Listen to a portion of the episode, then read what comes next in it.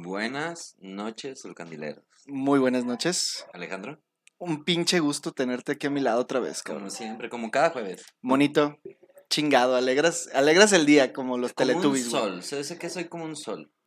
Ándale. Medio rosado. y Por la contaminación. Ajá, pero un pequeño sol. Sí, sí, sí lo creo. Carnalito, sin pedos.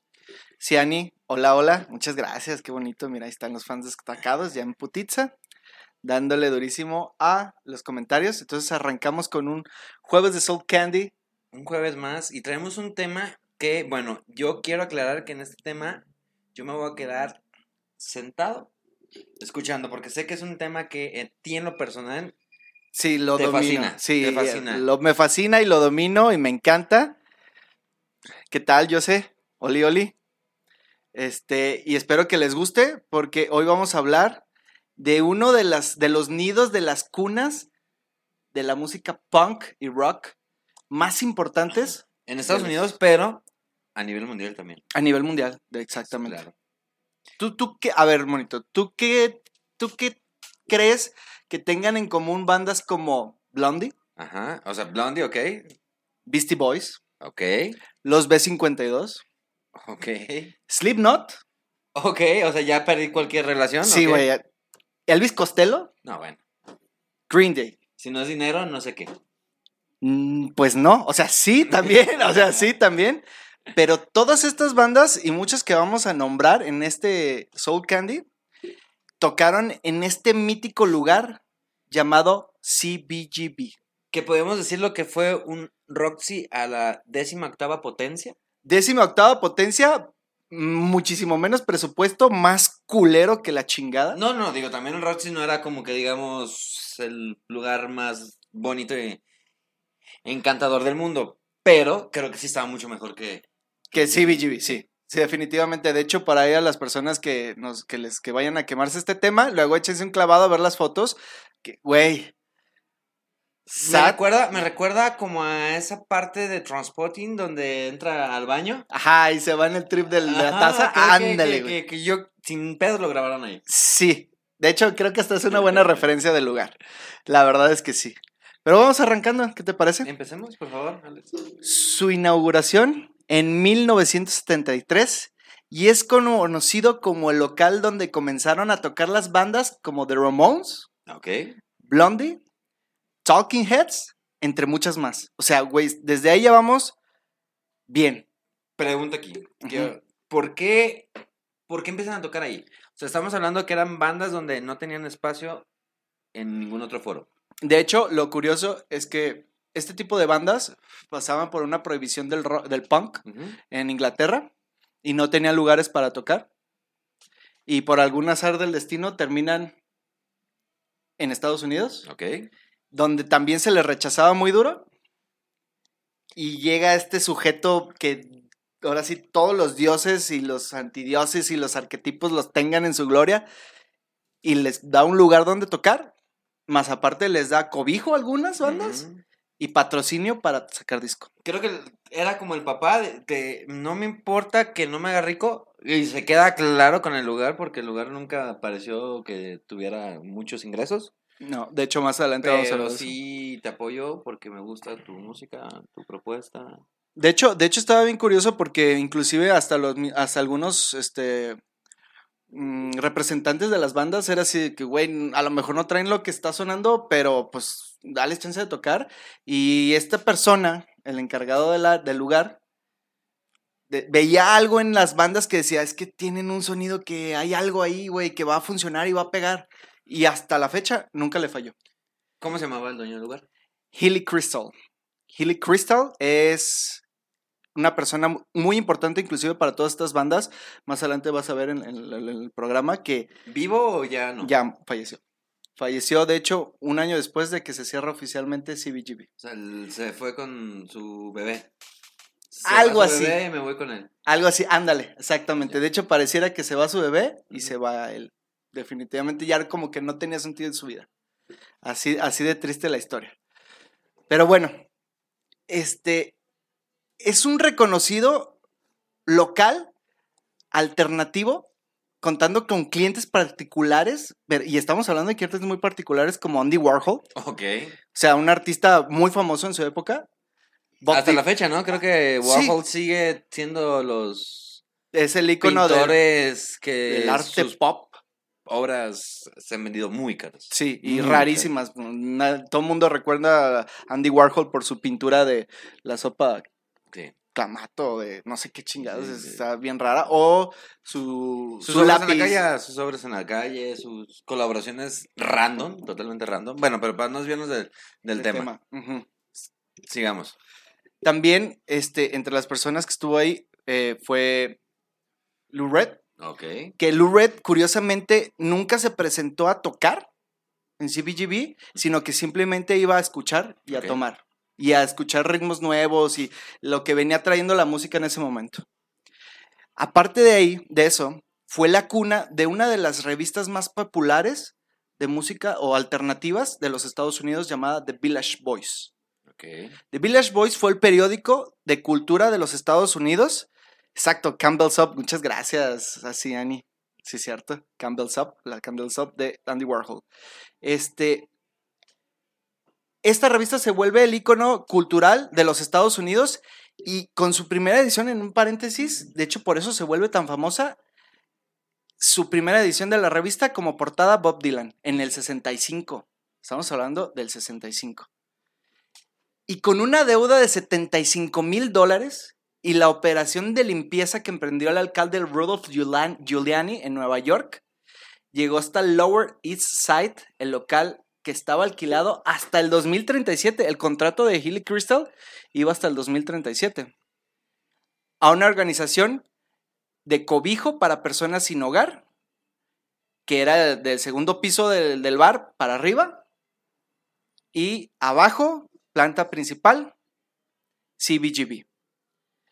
CBGB, este, la abreviatura de CBGB es Country, Bluegrass and Blues and Others, Music for Founding Gormandizers. Que en una traducción es como country, bluegrass, que es otro tipo de música, blues, y otro tipo de música para los innovadores de la música o los, o los movimientos innovadores. Pero era curioso porque local, o sea, literalmente el, el bar, eh, arriba, abajo de una casa de hospedaje para personas sin dinero, tenía su, hasta el mismo Hilly Crystal decía, tiene sus ventajas vivir aquí, porque el alquiler era muy barato, la mayoría de los vecinos eran muchos más extraños que la las bandas que tocaban ahí. Sí, sí. Era más random el Era tema. más random. Y los edificios alrededor eran puras fábricas. Entonces no había pedos de que, ay, güey, el Ay, sonido. El, vecino quejumbroso de. Exacto, güey. Traes un desmadre y los instrumentos y todo. A pesar de esto, las instalaciones eran horribles. O sea, todas las bandas que llegaron a tocar y hasta los últimos años de lo que fue CBGB, siempre no se quejaban, sino se japtaban de que tocaban en las condiciones más culeras que una banda podía tener. Estamos hablando que entre las cosas curiosas que pasaba ahí eran bandas que se presentaban y, por ejemplo, los Dead Kennedys, en una presentación se les revienta la tubería de arriba, de, exactamente arriba del escenario, les cae agua y obviamente el sistema mal aterrizado de electricidad y se le da una descarga al vocalista. Y el vato Sí. se queda como inconsciente como dos segundos y se levanta y dice, ¿qué pedo, qué pedo? Ah, Simón, vamos a seguir tocando. Sí, claro. O sea, como si nada, güey. Obviamente, pues son bandas punks que les vale a madre y a tirar putazos y lo que iban, ¿no? Y se, es como las cositas, entre otras, que tenía ahí el local. Otro de los detalles, Hilly Crystal tenía un perro. El perro tenía permitido, es- eh, de hecho había quejas por parte de las bandas y de las personas que asistían. Mm. Tenía permitido hacer de todo el bar su baño. Ah, qué chulada. Entonces tú veías, imagínate la escena, entrabas a un bar que estaba hasta la madre de gente y, entre el desmadre y una popó y acá ibas caminando y pff, te embarrabas acá, caca. Qué hermosísimo. Güey, el perro estaba a veces tan mal en condiciones que estaba lleno de pulgas y la gente salía con pulgas del lugar. Qué belleza, qué belleza de lugar, güey. Sí, es una cosa preciosa que tú te lo imaginas y dices, güey, ¿cómo bandas tan importantes pudieron tocar ahí? Y estamos hablando de que no solo bandas, o sea, inclusive eh, músicos como solistas súper reconocidos que ahorita que aventemos la lista, dices, güey, ¿cómo? No me imagino a esta persona tocando en un lugar tan underground como este. Crystal tenía un curioso detalle de, sus- de todas las presentaciones y de todas las veces que abría el bar. Entre las veces que le clausuraban, se quedaba sin dinero para Cheve, se quedaba sin dinero literalmente para pagar la luz y había veces que tenía que cerrar por completo. Cosas normales que pasan en un bar. Sí, exacto. Sí, creo yo que no es muy normal, pero pues sí, sí le pasaba. Entre lo que decía él, coleccionaba al menos docenas de cuchillos de los güeyes que asistían al bar. Ah, qué chulada. Generalmente los güeyes que iban a ese bar armados. Hasta por lo jodido eran cuchillos. Eran riñas de que se terminaban ahí medio matando y la banda seguía tocando. Representantes muy famosos de disqueras caían ahí y había fo- hay fotos, si se ponen a investigar un poquito, hay fotos donde estamos hablando de representantes de disqueras súper famosas, los güeyes de traje con mucha gente a su alrededor y los vatos atrás pegándose un tiro o reventándose una silla y cosas así. Dices, "Ah, qué normal. Para, es- para ellos era un cualquier fin de semana en CBGB. Vamos de cacería, literal. Literalmente vamos a ver qué, qué- qué nos tocaba, ya cómo nos toca. La evolución para convertirse en la cuna del punk fue un proceso natural. La banda Television rentaba, ah sí, que por cierto yo soy ultra fan de Television, el que tenga un vinil de Television, contácteme, podemos hacer negocios, de verdad sigo buscándolo. de esas Eh, cosas imposibles. Sí, ya lo comprobamos que es muy cabrón. Conseguirlo al menos fuera de Amazon, pero Amazon lo tiene muy caro. Sí, mucho. Bueno. Sigamos. La banda Television rentaba un cuarto para ensayar a unas cuadras del bar. Y al darse cuenta que había un foro en el cual podían tocar, le dijeron a su manager en ese momento, Terry Ork, que lo consiguiera. Después de varios intentos, Terry convenció a Hilly Crystal de agendarlos los domingos. O sea, agendar una banda en domingo era casi nadie te va a ver. Los resultados de los primeros toquines de televisión fueron más que lamentables. O sea, realmente no llenaban, no había gente, no había consumo de alcohol. Pero Hilly Crystal veía un potencial demasiado grande en la banda y decide apoyarlos, inclusive patrocinarlos para sacar su primer disco. Y se vuelven un éxito total. Aquí te quiero hacer un, un- un pequeño corte, saliéndonos un poco del tema. ¿Por qué tan buena banda duró tan poco tiempo? Creo que, que me meto a una zona donde sé que conoces muy bien, Television. Entonces, ¿Por qué? Porque siendo tan buena banda, Híjole. este, no hubo una decena trágica, no hubo algo que tú dijeras, güey, pues, se, se- se murió por esto la banda. De hecho, sí. El, el tema es que la banda se termina por una escena muy trágica. Después de lanzar su segundo disco, entran en una gira. Eh, literalmente, que- ah, de hecho, hasta lo curioso es que Hilly Crystal tenía solo una camioneta que utilizaba como para hacer, aparte del CBGB, su otra chamba era hacer este, mudanzas de pianos. Entonces, durante la gira le prestan la, la camioneta de las mudanzas y estos güeyes se van de gira, la terminan chocando en una peda de regreso y les reventaba la fiesta, durísimo. Y después de regresar a Nueva York de una de las presentaciones de su gira, se deciden salir de peda y en la esquina de CBGB había una licorería. Se meten, este, están comprando su licor, muy a gusto, y de repente llegan unos güeyes mm, X, empiezan como a gerarse entre ellos, se empiezan a agarrar a putazos y uno de los güeyes saca una navaja y navajea al baterista. Y hasta ahí llegó Television. Cualquier día, ¿no? Cualquier día en Oblatos, cualquier día en la Jalisco, en Tonalá, ahorita ya está en Guadalajara, güey. No, ya sé. ya sé. Está terrible la situación. Pero esa es la triste historia de Television. Con dos álbumes se fue una de las muy, muy, muy buenas bandas y representantes de CBGB. Pero le seguimos por ahí. Después de que eh, Hilly Crystal encuentra la magia de la tolerancia en la música de, de Television, decide apoyar sus capacidades y, y a- o sea, definitivamente les patrocina y dice, va, avientan. Television y, y después de que comienzan a tocar y empiezan a hacerse famosillos. Television, Terry Ork, que era el representante, le suplica a Hill que también pusiera a tocar a una banda amiga de Detroit llamada The Ramones. Las presentaciones de Ramones en CBGB eran de las más caóticas. No, claro, Sí. o sea. Sí, deja tú del, del, del punk. deja tú del sonido, güey. La banda, si bien hasta la fecha sigue teniendo pedos entre ellos. No, ya sé. Todos son familia, güey. Pero era muy. Y, y hay muchos documentales y hay muchos este, videos y, y series de Netflix y así, donde The Ramones se peleaban entre ellos, güey. O sea, cinco minutos antes de tocar. Los hermanos Gallagher son unas blancas palomitas. Exactamente, porque ellos así era de que hay tu perra y ya se hablaban mal y ya. No, estos güeyes se agarraron a putazos entre ellos. Y cinco minutos antes de tocar, el guitarrista decía, ya estoy hasta la madre y no voy a Váyanse tocar. mucho a la verga. Y tocaban sin guitarrista. O sea, The Ramones era la fichita más, más conmemorada de la música punk. Esos sí eran punks, punks. No, no, no. Me queda claro. Y creo que es bandera y estandarte de muchos Sí. chavorrucos de hoy en día. Claro, y de los muchos punks. Sí. O sea, The Ramones fue el icono punk durante muchísimo tiempo. Mm, Creo que sigue siendo un amplio estandarte, ¿eh? No creo que me des un nombre ahorita que pueda suplirlo. No, al menos en, en famosos, no. No. No, No, sí. no, la- En música sí. en música sí. Pero fama, desmadre y todo lo que conlleva el punk, no creo que tengas otro nombre en mente. No, sí, después de que, después de muchos años de gloria, uno de ellos hasta se vuelve DJ.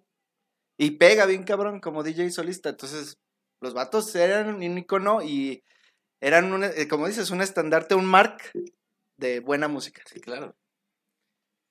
Si bien la concepción de CBGB, para los que conocen lo- su historia, está marcada de muchas imágenes como Andy Warhol sentado en una mesa con una botella de whisky, Lou Red en sus rachas de no dejar de asistir a los conciertos para buscar la inspiración y empaparse de sonidos nuevos, hasta escenas como Yellow Biafra de los Dead Kennedys saltando del escenario hacia el público semidesnudo en un ataque de euforia. Ahí está la imagen, si los buscan, se ve bien perra, es- creo que es el primer de las primeras imágenes donde el vocalista se avienta a la banda semidesnudo para que lo carguen y lo, lo vanaglorien Ah, así como tal. Y ese güey, ahí están las, las, las, este, las fotografías. Pero no hay nada más épico. Y como dices, como comentabas, este, que la imagen de los baños de CBGB. Lo vamos a subir más adelante en la página. Vamos a hacer un, un, haga- un, un trabajo con ustedes. Pon Caifanes, dice Sebastián. No, porque nos censuran. Ya sabes que Caifanes está prohibido decirlo en Facebook. Hablando de Caifanes, voy a hacer un, un- un- un corte aquí antes de, de irnos a la imagen que quiero que todos piensen. Este, ahorita está tocando Caifanes Foro Sol con las nuevas normas, todos arriba de su vehículo. Este, algo muy raro, también vamos a por ahí subir fotos de, de cómo se lleva a cabo el concierto que está ahorita en, en Foro Sol, sí, Ciudad de México. Ciudad de México. Creo que ya habían hecho uno así con Moderato, ¿no? Que también fue un fracaso porque... Ya, y en Querétaro están haciendo los autocinemas con palcos y... pero... mm, Mm, Esperemos sea- que termine bien y no como el último, que por eso nos ter- les terminaron quitando los permisos de conciertos a muchas bandas. Bueno, entrabas al baño. Tu primera impresión era ver un lugar angosto, de ladrillos, con más grafitis que... Que la central caminera. güey. No, peor, o sea... Era graffiti sobre graffiti sobre graffiti. Que, va- que los baños de la ODG del QC. No, peor, o sea, ahí sí había un puto que lo leen cada dos milímetros, güey. Ok. Dos mijitorios pegados, Sí, pero pegados. en tu mismo pasillo donde vas caminando. O Sí. sea, si alguien estaba en un migitorio, básicamente tenías que repegarle toda tu humanidad para poder pasar. O los rodeabas de una manera muy sensual. Atrás estaban las tarjas donde no había este agua, estaban las Obviamente. puras llaves. Si bien te Ficticio. iba, había una cubetita con agua de dudosa procedencia. Y hasta el fondo, subiendo un escalón, sin una puerta, sin un nada, una taza de baño. Para las mujeres o para quien Pero, quisiera sí, hacer. Era baño unisex. Ajá, para quien quisiera hacer del baño. O sea, tú podías estar sentado haciendo del baño mientras veías a dos tipos haciendo pipí en los mijitorios, un güey más lavándose las manos y alguno que otro pasándose una línea de coca. Sí, yo creo que más bien era lo más común era verlos metiéndose quién sabe qué o cosas. como en algunos lugares de aquí de Guadalajara donde pasabas algo para la fiesta. ¿Un periquito? Algo ¿Un para- periquito? algo para la fiesta. Póngalas de Farruco, dice Este. Metzil Galindo. ¿Farruco? Por eso tu novio, este, Metzli, tiene problemas muy serios, ¿eh? Ah, ya, uh, con razón. No, no, no. No hay tema ahí, sí, estoy seguro que tiene broncas. ya vi por qué se quieren tanto, qué bonito. Pero esa imagen, esa imagen era la imagen de este baño, ¿no? Exacto, o sea, realmente tapizado de grafitis. De hecho, estaba bien curioso porque cuenta la historia, dicen ahí la leyenda, que solo dos veces, dos veces, güey, en toda la historia del bar funcionó la taza. Los mingitorios no tenían agua. Sí, claro. O sea, era, se iba llenando y solito se ah, desahogaba. claro, me faltó llevar a, a la imagen de ustedes que ibas a pasar por una laguna de dudosa procedencia de esa agua que pisabas. O sea, no sabemos qué era esa agua que pisabas. Era como meterte al Cinépolis después de una matiné como a las 8 o 9 de la noche. Yo creo. Era, ah, como tal cual, baño de concierto, el último día, este, ya para desaforar el lugar. Exacto. Así de que ya les vale madre limpiarlo y estamos increíblemente higiénicos esos baños. Perfecto. ¿Y luego? ¿Qué más? Cuéntanos, Alex. CBGB se volvió tan icónico que después, aparte de ser el nido de muchísimas bandas muy famosas, Air, iHeartRadio le crea su propia estación. Había una estación llamada CBGB que nació en el 2010 y un festival musical con el mismo nombre que comenzó en el 2012. O sea, estamos hablando de que un festival que se le dedica exclusivamente a un bar de mala muerte. güey. Y dinos dónde estaba, dónde hacían esos conciertos. Dinos dónde, qué lugar icónico podría llevarse los conciertos para un lugar icónico. Todos eran en Nueva York. Eran en el parque, era, no me acuerdo, no eran en Central Park, era un parque muy, un parque muy chiquito. Y de hecho, el- la, la tradición era que el primer, la primera banda que abría, abría en CBGB, comenzaban la peda ahí y de ahí se iban caminando hasta el parque para que comenzara el, lo que era el festival. De hecho, sí llegaron a tocar en Central Park. Sí, Y sí, también tocaban en Times Square. No mames. Garden, sí. Ese, ese dato sí no lo traía. Muchas gracias. Todo el mundo parece que sí estudiaste. No, no, pues es que estamos hablando de esos lugares que tienes que saberlos porque tienes que saberlos, ¿no? Exacto, exacto. CBGB, el festival, se propagó con los más grandes de Nueva York. Y como dices, de hecho, ahí discúlpame, no lo leí, pero estaba Central Park y Times Square.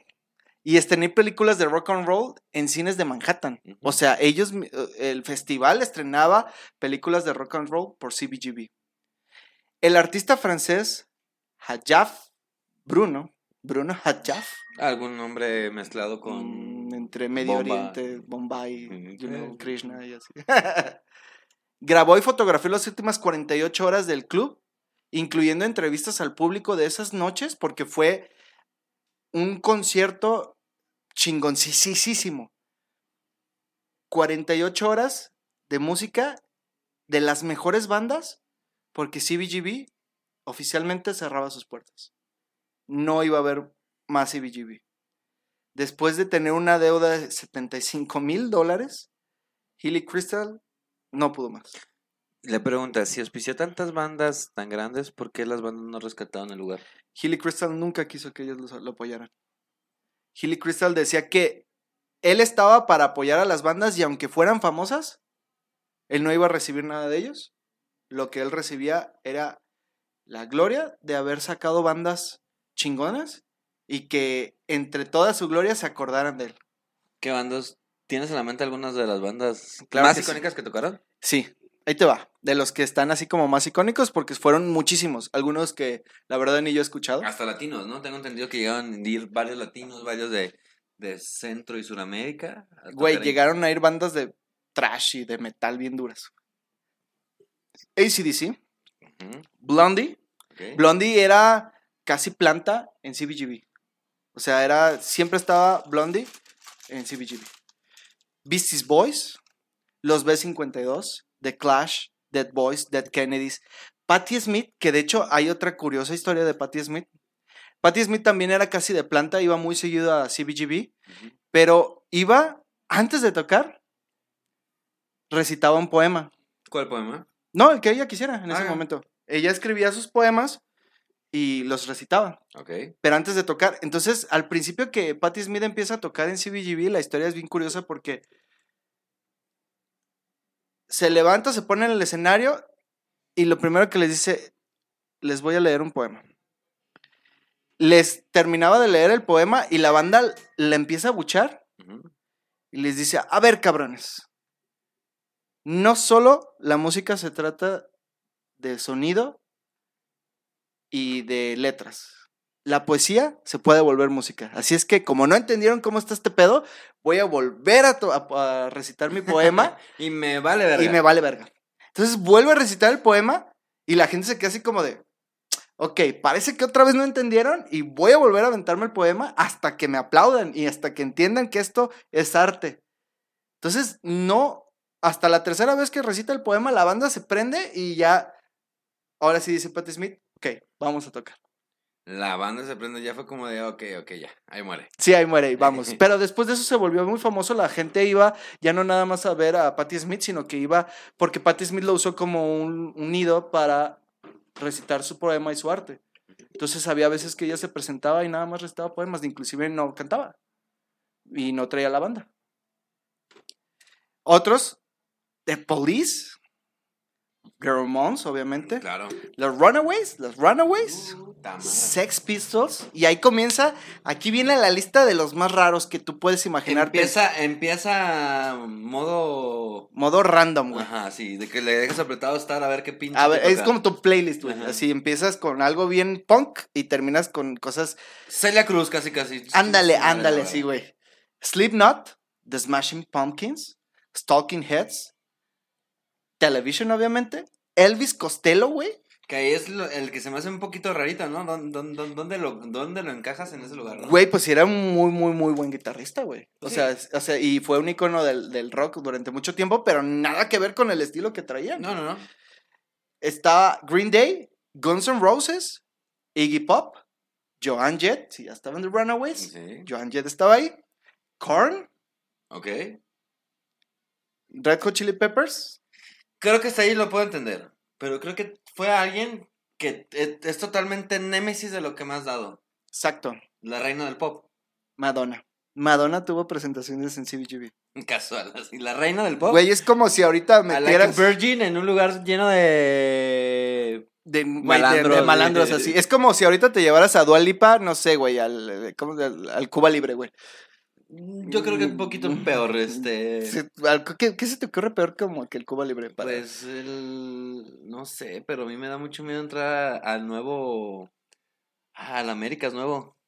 Ah, sí está bien underground, ¿no? Sí, ahí sí, está- sí. Pero igual ahí sí pegaré porque está, pues fresón, güey. Bueno. El América todavía es fresón, ¿sí? Pues. Para los que van al América, denme el dato de si todavía se considera fresón el Américas. Lo que sí es que te ofrecen mucha alegría a cada. Ah, no, güey, no. a cada, a cada paso que das. Te ofrecen mucha alegría. Dice Elena, Madonna puede presentarse No, desde la claro. chica. Sí, claro. La eh, eh, acaba de sacar una foto hace un par de días donde digo, Dios, Madre Santa mía, ¿qué pedo con la vida de todos nosotros, güey? Güey, nos estamos acabando. 60 años creo que tiene, 60, Sí, 60 y se ve alguien de veintitantos años, güey. O sea, ¿qué pedo? Es una jovenzuela, güey. Es sea, la. ¿qué ¿cómo, pedo, se, güey? cómo se llama esta? La Maribel Guardia de. No, Maribel Guardia es una naca, güey. Ah, no, sí, Perdóname, sí, perdóname, pero... Que se come los años como Sí. Maribel Guardia, güey. No, yo creo que Madonna sí se pasa mucho de lanza. ¿eh? Sí, sí. Benditos esteroides, güey. Sí, sabes que por eso. Dicen Y creo que este se mito- baña con agua alcalina y fría y cosas bien random también, ¿eh? ¿Sí? Casi, casi como South Park, yo creo que, este... Se duerme en una cámara hiperbárica. ya así. sé, de fetos de bebés para... No lo dudaría, güey. Es que solo así te mantienes tan joven, güey. Yo veme y tengo una vida saludable. Ajá. Guiño, guiño. O sea, tus 18 años no te ves de esa edad. Güey, tengo 19 ya. Ah, ya. Ah, sí, cierto. Eh, Respeta mi, mi madurez, güey. Mi, mi ancianidad, güey. El güero es puto. Tenemos un problema, este, Elena. Hay dos güeros aquí. Eh, sí, ¿cuál de los dos? Igual ahí, este, ahí coméntanos. ¿Qué pedo? ¿Yo por qué no lo puedo ver? Ah, porque fue como un... Ah, una respuesta. tú no puedes Ah, ver ok. Ok. Pero sí, sí, Elena, eh, tienes, lo, tienes la, toda la razón. eh. Eh, eh, Madonna es como Chabela Vargas. Ándale. Puede presentarse donde quiera y va a reventar madres. Sí. Seguro. Tiquetazo ahí, mamón. Anaí Zambrano, vamos a verla. Vamos a verla. ¿A cuál? A Madonna. A Madonna. Ah, sí, güey. Que, bueno, con lo de COVID dudo mucho que quiera venir a tierras Que mexicanas. quiera donde- salir, güey, literalmente. Ya están viendo que se cuida con fetos de bebés recién nacidos. Seguro su. O sea, su- tiene que tener tres segundos de nacido para que le funcione. Un chingo de células madre que la rodeen. Bueno, sigamos con Con- el final. El final, el final. cierre eh. épico. Hay muchas historias de CBGB, eso queda muy claro, de verdad. Hay muchísimas bandas que tienen cosas que platicar o que tuvieron muchas cosas que platicar sobre CBGB porque estuvieron ahí. Pero entre las cosas más chingonas es que las deudas contraídas para Hilly Crystal para, el 15 de octubre del 2006 Ujú. fueron alrededor de 19 mil dólares. Después de esto, se le triplica debido a intereses y bla, bla, bla, y llega una deuda de 75 mil dólares. O sea, güey, ni Liverpool. Liverpool, si nos estás escuchando, aquí tengo un dedor. No, ya no, Ah, gracias ya no. O sea, O sea, yo sí apliqué la de Hilly Crystal, yo sí pagué. o sea, sí podemos hablar libremente y patrocinan Liverpool. Sí, Somos personas que pagan Liverpool. Exactamente. Sí, ahí sí ya nos empiezas a mandar cosas. Ahora sí ya te quiero. Ahora sí ya te quiero. Termina asfixiando la carrera y la vida de CBGB. Para esto, antes de que terminara la existencia del, del- del lugar como tal, las bandas que tocaron en CBGB, aparte de que hay muchos datos de que, por ejemplo, en entregas de premios, le daban las gracias a Hill Crystal. Sí. O sea, después de muchísimos años, inclusive hay una parte donde lo suben al escenario y le entregan el premio que recibe la banda, se lo entregan a él. Y ahí mismo le dicen, si no hubiera sido por ti, Esto no es- esto no estuviera sucediendo. O sea, cosas tan emotivas de bandas que de verdad se pudrieron en lana. Y como dices, a lo mejor tenían la oportunidad de ayudarla, pero él prefirió seguir así. Humilde, el vato. Vamos a mantener lo que es la, el alma mater de CBGB. Se organizó un concierto entre el 14 y el 15 de octubre que duró 48 horas, güey. 48 horas completas de música, güey.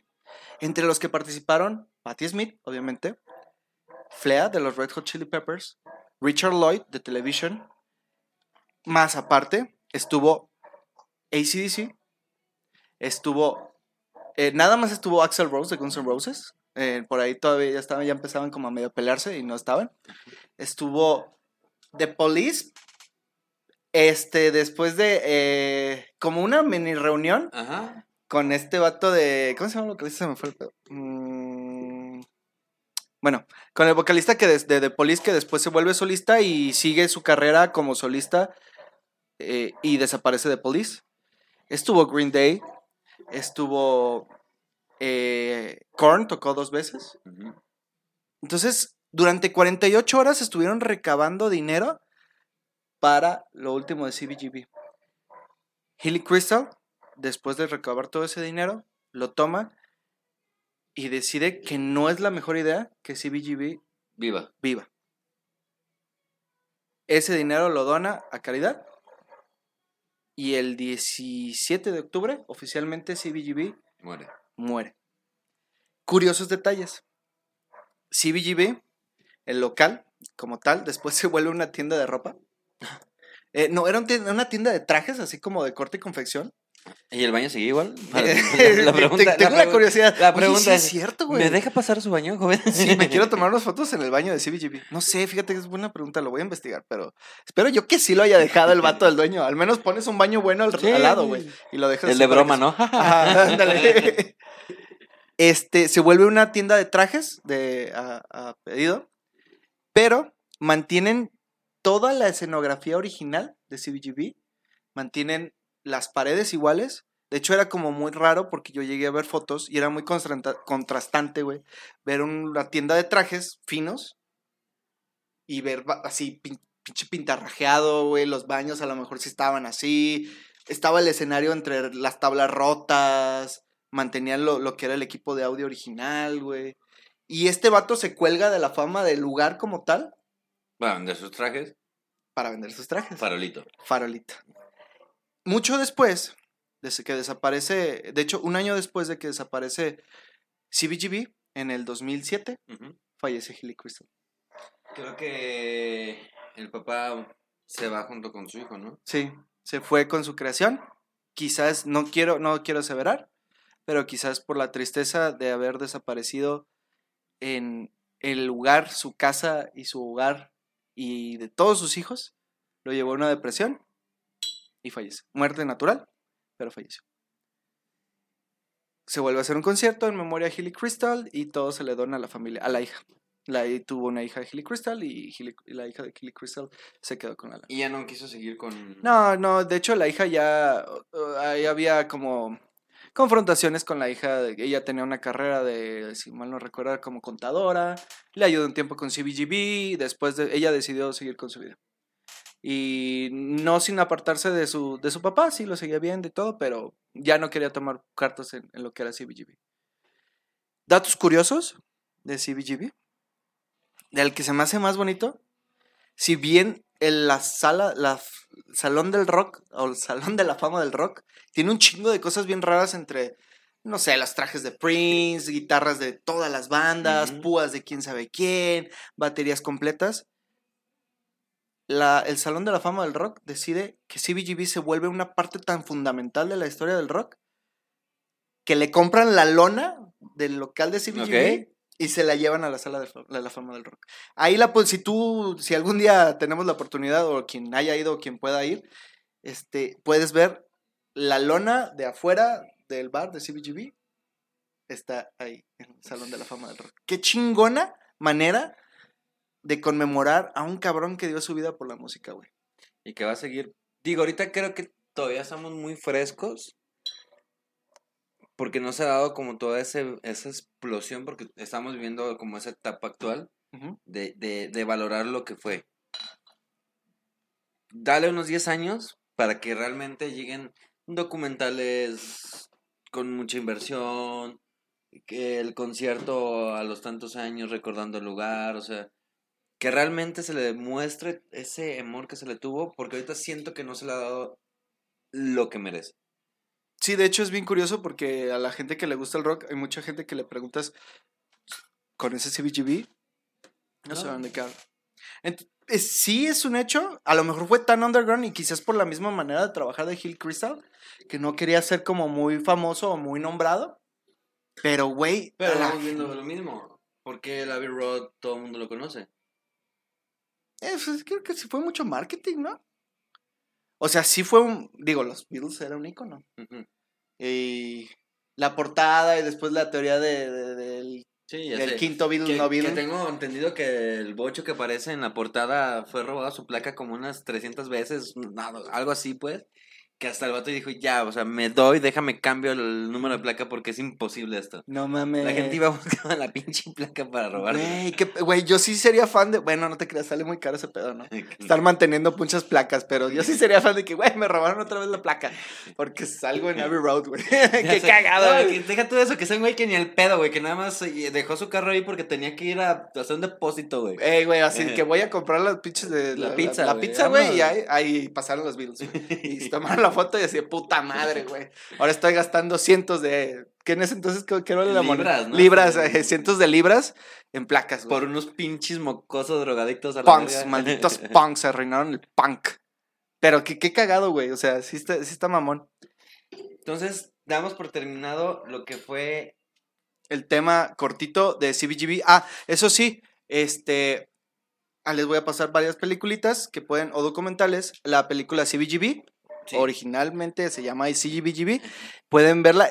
Muy buena película, de verdad. Increíble película. Muy buenos recuerdos de esa del película que 90 te- y tantos, ¿no? Eh, de los 2000. 98, 99, si me lo Sí, recuerdo. ¿no? por ahí. Ajá.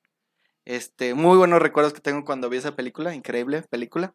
Este, la se llama, hay otro que es el documental de, de este, de este sujetito con nombre asiático que como siempre no me acuerdo el nombre. Bruno Jabaj Tabajaj. Vamos a dejarlo como Bruno. Como el buen Bruno. Bruno, Bruno fotógrafo. Bruno H. Bruno H. Ándale. Este güey tiene potencial. Este, Bruno H. se aventó el documental de las últimas 48 horas de CBGB. Yo tuve la oportunidad de quemármelo esta semana. Muy bueno, de verdad, muy buen documental. Inclusive ves cosas de banda, de las bandas que tú ya conoces que ni te imaginas. O sea, por ejemplo, puedes ver un Beastie Boys sin traje, güey. Ok. sea, un Beastie Boys, punk, punk, punk, antes de ser Beastie Boys con traje, con fresón. Punk fresón. Muy buenos, muy buenos. Entonces échenle una vuelta ahí, la película de CBGB, eh, 48 horas de CBGB y el concierto de conmemorando CBGB, que es concierto documental de este concierto que fue de 48 horas con todas las bandas que se presentaron en apoyo a CBGB. Y con, con esto yo doy por terminado la presentación de mi tema. Espero que les haya gustado. hay A que te mereces un 10. Hoy sí, hoy sí, Sí, te, sí te vi muy preparado. Sí, eh, te, es vi- que, te güey, vi muy emocionado. Me eh. motivé, güey. Eran horas y horas en el baño investigando, güey. Si- Siento que eres de ese vato que va a la escuela y hasta te caga porque dices, güey, este güey sí hizo la tarea y yo la neta nomás me voy a parar a decir lo mismo tres, Tres, cuatro veces, la ajá. misma cosa. Ajá, y luego con. Pero Alejandro, por favor, ayúdame a continuar. ya sé. yo la apliqué un chingo de veces. O nada más te hacías el pendejo y te quedabas. A ver, ¿sí me están poniendo atención o no? Es Eh. más, ahorita vamos a hacer un par de preguntas, ¿eh? Eh, y ya nomás te haces, güey, así que. ¡Ey, ey! ch, Juanita! ¡Ey!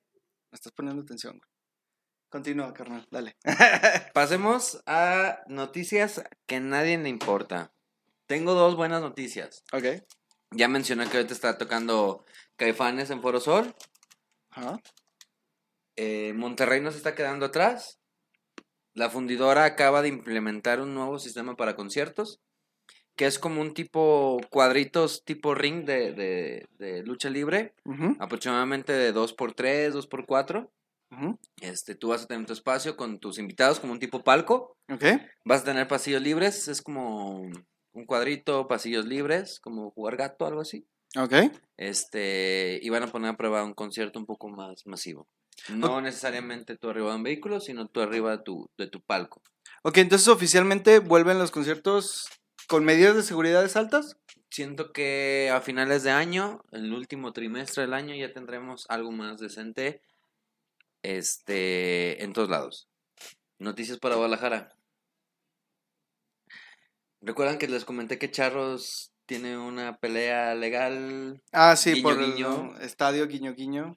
Y que también el, el foro de eventos, porque es del mismo dueño que Charros, extrañamente, donde juegan los Astros de básquetbol. Vaya, vaya, estás insinuando que hay corruptela. Hay algo ahí. Vaya, vaya. Pero alguno Mm. de esos dos foros va a ser dedicado para conciertos. Ya sea el de Ávila Camacho o el de atletismo que estaba ubicado allí en, en Zapopan, donde jugaban Charros. Se me fue. Ah, Ok, sí, ok. Y más o menos, no me queda claro, yo no dimensiono porque cero deportes en vivo. Este, como de cuántas personas, ¿qué aforo podremos tener? Mira, para el atletismo ya tuvimos allá MGMT. Conciertazo hace un par de años después de, madre, de haber terminado los Panamericanos. Donde salen tocando la canción de Kids con mariachi. Ah, sí, esa versión está. Épica, épica, épica versión. Eh, estamos hablando que para ese aforo estamos hablando casi de los 30 mil, veintitantos mil personas. Contando gradas y contando pie. Ok. ¿Ok? Contando la parte de abajo y contando gradas, estamos hablando casi alre- alrededor de los 30 mil espectadores. Claro, con medidas de seguridad estamos hablando que va a ser un 30%. 40. Muy bien, pues. Hablamos de unas 8 mil personas, 10 mil personas. Y si nos vamos a donde jugaban los Astros básquetbol, ahí en Ávila Camacho, es un poquito más reducido porque sí es era una cancha de, de básquetbol, vaya. Y está totalmente techado. Pues estaremos hablando de que este es un aforo de 10 mil personas con una reducción para 3 mil personas aproximadamente. Pero ya Pues- algo más masivo, pues. O sea que sin pedos, ahí tenemos una opción alterna a un BFG que ya no tendremos que salir tanto de la ciudad. Para conciertos más petit. Más petit. Porque, bueno, BFG lo que te ofrece es expansión. Sí, claro. Eh, y tenemos también, parking a lo ajá, loco, güey. También tenemos la zona de Chivas, donde, ok, ya lo compartimos en Soul Candy, confirmadísimo. El Dreamfields Se para a el llevar. 2022. Ya está el preregistro, ya salieron a la venta los boletos. General, eh, los dos días están 1500, 1800. No, eso me hace muy bien. Y el VIP en preventa está como en los 2300. Entonces, creo que vale la pena comprarlo y esperar el cartel, que dudo mucho que sea un cartel chapa. ¿eh? No, la banda quiere conciertos y creo que todos los organizadores van a apoyar esa situación. También eh, C3 ya programó nuevos conciertos, entre ellos Cuca. Güey, Cuca. chale. O sea, qué chido. Pero lo primero que pasó por mi cabeza cuando lo vi es, güey, qué perra hambre traen los de C3, güey. Bueno, pues, compa. O sea, está bien, yo entiendo, qué chingón, Y hay pero... público para Cuca, déjame te digo. Ah, no, sí, claro, güey. Todos los chavorrucos que nos encanta Cuca, a lo mejor. Saludos, padrino. Claro, pero por supuesto que eh, van a ir. Pero, ¿cuánto tiene que no toca José Force? ¿Cuánto tiene que no toca Cuca, güey? En vivo. Pues sí había tocado en algunos foros chiquitos, déjame te digo. Pues sí, pero pues como. Pero pues, Fiestas del sigue, pueblo, siendo, sigue siendo un foro chiquito. Sí. Que también, C- C13 me hace bien, A gusto. medio chico, medio. también viene eh, Jonás, ya lo habíamos dicho, en la Jonás. célebre, este, a finales de este mes. Este, Motora- No, este, los que ya habíamos anunciado la semana pasada. eh, Fidel Nadal, Fidel Nadal. ya tocó. ¿Ya tocó? No, y el que venía, el que te dije que era Motorama, no, este. Mexicanos. ¿A mí ese Eh, 3? Porter. Porter. Porter. Ya se vendieron todos los boletos. Ya, ya, no hay cupo. Ya. Básicamente la gente está en espera de, de, de a ver qué sale del concierto. Sí. Esas son las noticias musicales de aquí, de nuestra bella Perla Tapatía, de Monterrey, de Ciudad de México. Muy bonito, banda, los que vayan a asistir, por favor. Cuídense, no hagan desmadres porque si hacen desmadres, otra vez vamos a valer verga con sus conciertos. Sí. Y yo sí necesito corona este año. Todos. Todos necesitamos corona. Así es que cuídense. Con todas sus medidas, vayan, asistan, pónganse hasta ¿Qué el culo noticia, y no se escupan en la cara. noticias sin importancia traemos? Noticias sin importancia. Esta semana, y ahí es una nota personal, es uno de los hombres más pinches sensuales, con la voz más pinche perra que existe en el mundo. Dave Se me- Gahan. Ah. Vocalista de Depeche Mode, cumplió años. Chiquito se ve entero para su edad. Sí me lo daba sin pedos. Estoy teniendo miedo. No deberías de tener miedo. Tienes de tener heterocuriosidad, güey. Ok. Bueno, sí, es muy sensual. Muy, muy sensual. Sí. Yo las dos veces que se presentó en México tuve la oportunidad de verlo y qué pinche show. Así es que que nos dures muchos años más, cabrón, porque quiero ver más discos y más conciertos tuyos. ¿Qué otra noticia traemos, Ale?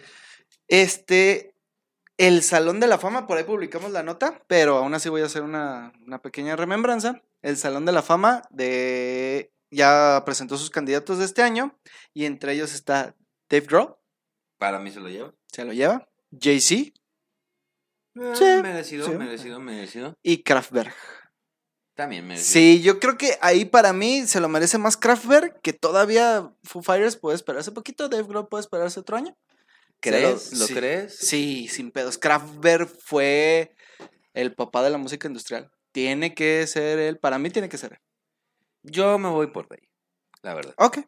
Jay-Z no trae muchas cosas, así que me, me gustaría ver ahí. Se lo merece, pero también me quedo. Oye, ¿y sabes algo de los conciertos que está viendo en Estados Mm. Unidos? Güey, increíbles, increíbles. Estados Unidos, de verdad, regresó a los conciertos con todas las pinches ganas del mundo. Anunciaron la semana pasada Firefly, un concierto que va a estar en Dover, eh, Delaware, eh, con cuatro pinches días de música, güey. Qué chulada, güey. Jueves, viernes y sábado, con lineups increíbles, como headliner para el jueves, Billie Eilish, para el viernes, The Killers, Ok, sábado, Tame Impala, ok. y domingo, para cerrar con broche de oro, mamacita Lizzo. Mm, Dios mío. Más aparte de eso, entre los más famosillos está Megan Thee Stallion. Cage the Elephant, Rudy Rich, With Khalifa, Machine, no sé qué chingados, Diplo, Glass Animals, Portugal The Man y Sylvan Deso. Entre los que estaban ahí más, échale un ojillo ahí, el line-up se ve increíble, güey. Estamos hablando de cuatro días de concierto.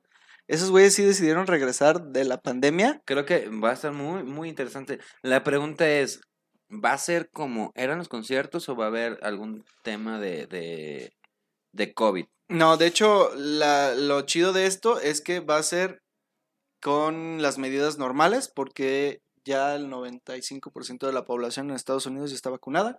Y puedes ir, si no estás vacunado, te puedes ir a una farmacia CBS. ¿A comprarla? Fondo de, Me da farmacia del ahorro. Y te compras tu vacunita, te vacunas Una vacuna, unos tres días antes y- y ya puedes pistear. Ah, huevo. También viene el Ojana, ¿no? Ohana Festival, que también es en Estados Unidos, con un line-up de tres días. Güey, ¿qué pedo, güey? ¿Por qué se están llevando lo mejor? Kings of Leon, Pearl Jam y Eddie Vedder. Eddie Vedder como line-up, güey. Qué chulada. Eddie Vedder como headliner, perdón. No mames, güey, yo muero por ver a Eddie Vedder. La verdad, se ve otro muy buen concierto, muy buen concierto, y este va a ser, si mal En no recuerdo, California. en California. Exactamente, Ohana Festival en Dana Point, California, The Hannah State Beach. Por ahí también va a estar otras banditas que no conozco, pero hay una que me llama la atención, My Morning Jacket. ¿Ok? Sí, creo que, creo que es algo que he hecho varias veces, como, sí, claro. como para despejarse de la mente. El- Escucho a My Morning Jacket, güey. Sí, Sí, claro, claro. sí. claro. Me aviento. Alexa, prende la luz. Ajá, y aviéntate un My Morning Jacket, sí, por favor. por favor. Maggie Rogers, The Frames, Spoon, Mac DeMarco. Eso sí está chido, Mac DeMarco. Y Brandy Carly, Yola, Sharon Van Ennett y Mon Laferte. Para, bien. para el día de cierre. Bastante bien. Por ahí también tuvimos muchísimo movimiento en la... Bueno, no muchísimo, pero fue muy buen movimiento en la escena de la música. Porque mm, Wizard presentó un nuevo disco. Buenísimo, que, ¿eh? Pasado, neta, neta, sin exagerar, muy buen disco. Denle la oportunidad. El disco se llama Van Wizard. Van Wizard porque hay como una remembranza a Van Halen, Ozzy Osbourne, Metallica. Y neta, si las escuchan las rolas, dices, güey, sí, sí, sin pedos. Es los, los ritmos de esas bandas, güey. Qué chingón, qué chingón disco, de verdad muy bueno. Denle la oportunidad, ya sale oficialmente. Y el mañana, quin- no, sí, mañana 14, se estrena el disco de San Vincent, que ya está súper anunciado, que yo lo he anunciado muchísimo porque lo estoy esperando. Y por fin. That is Home. Mañana se presenta is Home. Va a estar primero que todos en Apple Music, como este de Van Wizard, que ya después salió en, en Spotify y las demás plataformas, pero se estrenó unas horas antes Van Wizard en Apple Music y mañana, está exclusivamente mañana, va a estar is Home de San Vincent. Échenle una vuelta. Muy buen disco. Yo Bien. escuché una rola, está bueno. Ah, aparte también ya hay un documental de la grabación y el proceso de ese disco, también en Apple Music. Eh, no me lo he quebrado, he visto unos capitulillos y está muy bien, muy bien. También, bueno, cambiando el tema musical, tema del séptimo arte. Películas, series y así. Bueno, yo recomiendo Demon Slayer. Que, Está se lo- buenísima. que se vienten este los episodios que hay tanto en Crunchyroll como en Netflix. Y vayan a ver la película que está en cine. Ghost Train, algo así se llama, Ajá. Train Ghost, algo así, que, que no la he visto, pero ya todo el mundo me ha spoileado con reacciones de que, que está bien sad ese pedo. No, no, bueno, bueno, es que no vamos a spoilear nada, pero empiecen viendo la serie. Actualmente es la película más taquillera a nivel mundial del 2020-2021. sí, Digo, mer- obviamente en pandemia, pero creo que todo el mundo, todos los niños y todos los pubertos y todos los otakus que no se bañan han querido ver esa película. Buenísima. Buenísima. Sí, la verdad es que yo soy fan de la serie y sí tengo muchas ganas de ver la película. Muy buena serie, muy buena. Nezuko, chulada. Ya sé. Todos amamos a Todos Nezuko. vamos a Nezuko. Nezuko chaparrita, güey, es la cosita más hermosa que hay en el mundo. Mira. Cosita ¿Qué otra cosa viene buena? Este, fíjate que yo no he visto algo bueno que haya salido, pero sí. Ah, sí, no te creas. La semana pasada se estrenó la serie o miniserie. Sí, porque creo que ya terminó. Eh, se llama Los hijos de Sam. Para los que les gusten eh, el tema de asesinos seriales y psicópatas y cultos satánicos, échenle una vuelta. Yo me la quebré, creo que en dos días, tres. Qué buena serie, güey. De verdad, muy buena. Y no te imaginas el final.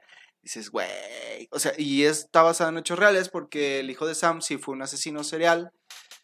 Que descubren que al final no era solo el asesino serial. Ok, ok, ok. Pero de verdad que Abrensela está chingoncísima.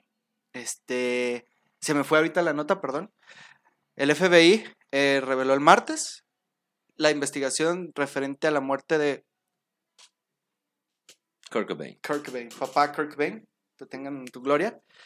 Este, yo por ahí le eché un clavado a los documentos. La verdad no hay mucho que ver. Y de hecho está súper pinche pendeja la investigación. En resumidas cuentas, y si no quieren perder su tiempo, eh, el FBI empieza la investigación y dice, como este no es un pedo federal, no me corresponde, Ya me voy. y se van. O sea, güey, no investigaron nada.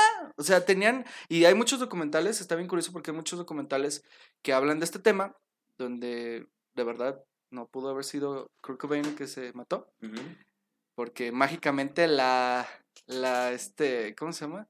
La escopeta no tenía huellas digitales, el vato tenía tanta heroína en su cuerpo que ni siquiera hubiera podido mover, un dedo.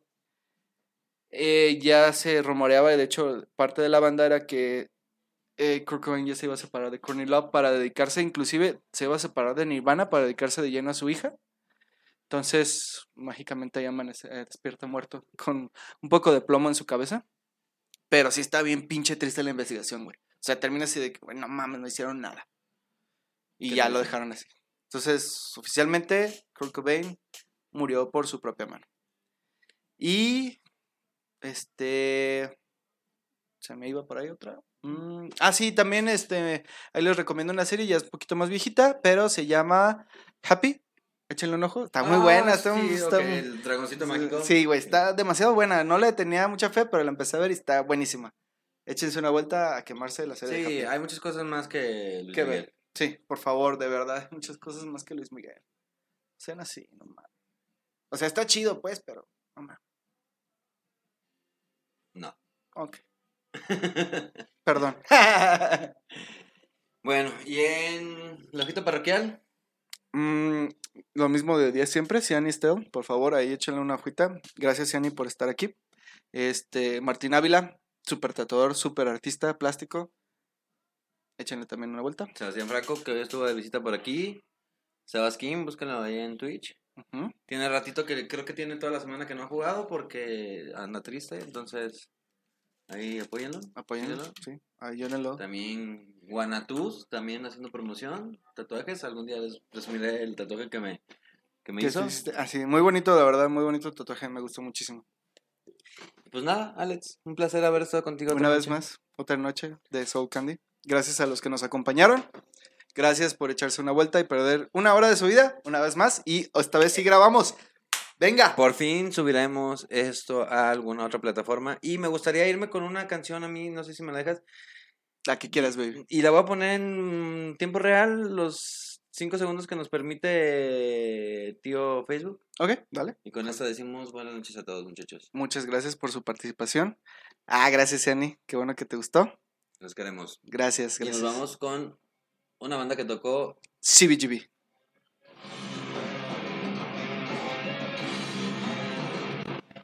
Noches.